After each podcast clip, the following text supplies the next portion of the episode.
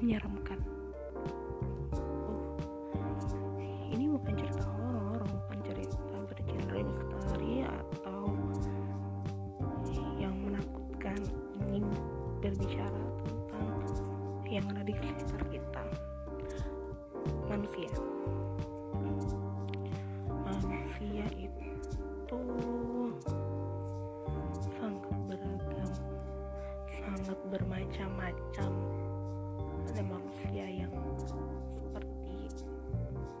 A ada yang manusia seperti B C ya pokoknya tidak bisa kita tebak bagaimana sisi aslinya. Manusia itu sebenarnya sudah terlahir baik. Dari lahir dia itu baik. Tapi semenjak dia datang ke dunia ini semakin dia tumbuh dewasa gak sedikit. Manusia itu berubah menjadi licik jadi jahat jadi kejam. Dan dia melakukan itu seolah-olah apa yang dia lakukan itu benar karena pasti ada alasannya mengapa dia melakukan itu. Kendati demikian ya kita sebenarnya nggak boleh langsung asal menilai manusia itu dari luarnya karena itu tadi manusia itu kayak punya dua sisi sisi baik dan buruk. Di mana bisa saja sisi buruknya itu merugikan orang lain. Atau bahkan secara nggak sadar merugikan dirinya sendiri. Nah sisi baiknya itu nggak kelihatan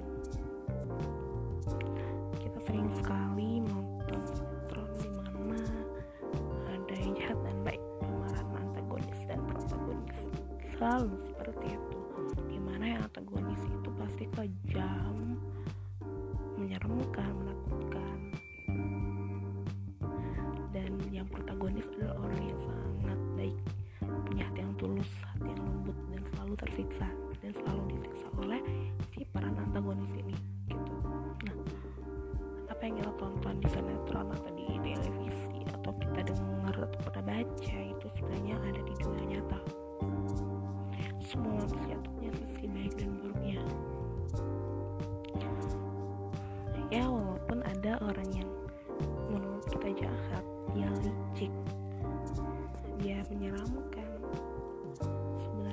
masih punya sisi baik cuma sisi baiknya tuh ketutup sama sisi buruknya dia.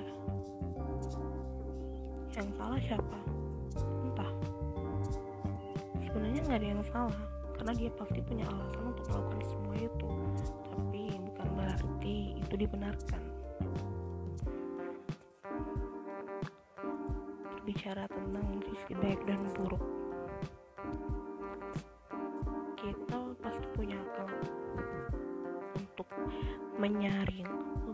memfilter semua apa yang kita lakukan itu sebenarnya baik nggak sih buat diri kita?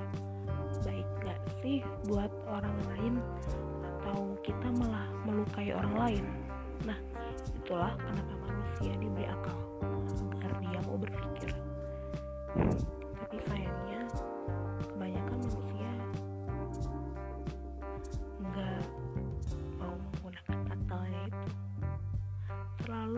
mengikuti egonya dan semuanya udah ketutup dengan keegoisannya. Jadi mengapa ada manusia yang menyeramkan dan dia tidak mau tobat? Nggak mau pergi ke jalan yang lurus. Karena itu tadi semua sudah ketutup dengan keegoisannya. Nah kita nggak pernah tahu orang-orang di dekat kita tuh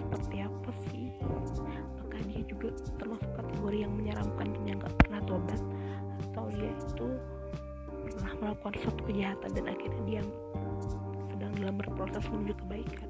Kita nggak pernah tahu orang-orang di sekitar kita ini tuh seperti apa menyeramkan kah menyenangkan kah atau menakutkan kah atau membahayakan kita. Kita nggak pernah tahu.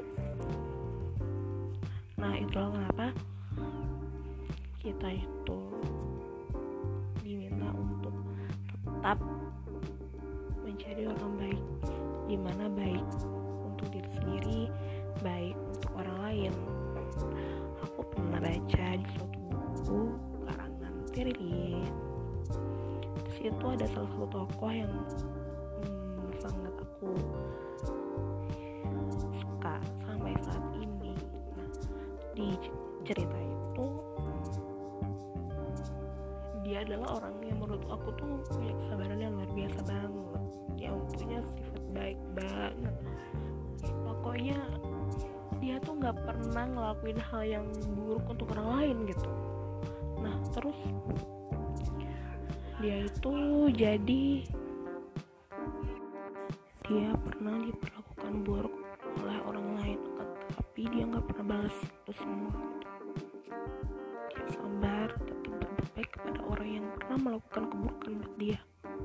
Padahal dia itu udah disakitin. Pokoknya dia itu sabar dan selalu memikir melakukan hal-hal baik untuk orang lain. Walaupun posisi dia saat itu sedang disakitin gitu. Di sini aku tuh dapat pelajaran penting banget yang pengen aku sampaikan di podcast ini adalah ya itulah manusia yang sebenarnya manusia dia selalu berbuat baik memikirkan kebaikan untuk dirinya sendiri dan orang lain gitu. Apa pun yang di, apa pun yang dia dapatkan di dunia di dunia yang menyeramkan ini yang dipenuhi oleh orang-orang jahat yang kita nggak tahu kalau ternyata dia jahat tetapi dia memilih untuk gak berada di lingkungan orang-orang itu gak menjadi di lingkungan orang-orang itu sabar dan tetap berusaha yang terbaik agar dia bisa terus menghadapi kehidupan di dunia ini. Baginya gak ada yang bisa mengalahkan kesabaran. Baginya kesabaran itu adalah hal yang bisa membantunya untuk terus hidup untuk berjalan di muka bumi ini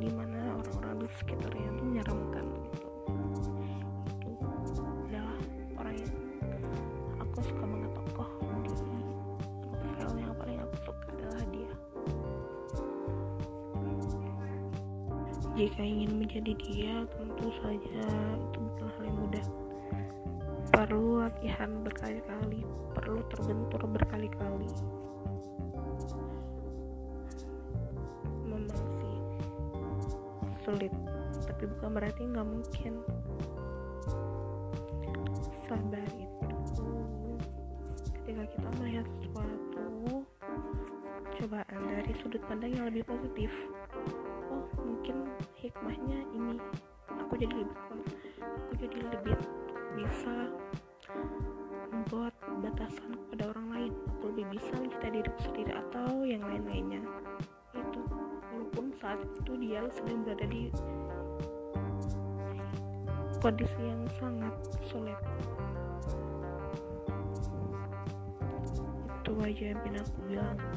Semoga podcast ini bermanfaat ya walaupun aku nggak tahu berapa pendengar dari podcast ini tapi menurut aku yang paling penting dalam berkarya itu adalah konsistensi. Terima kasih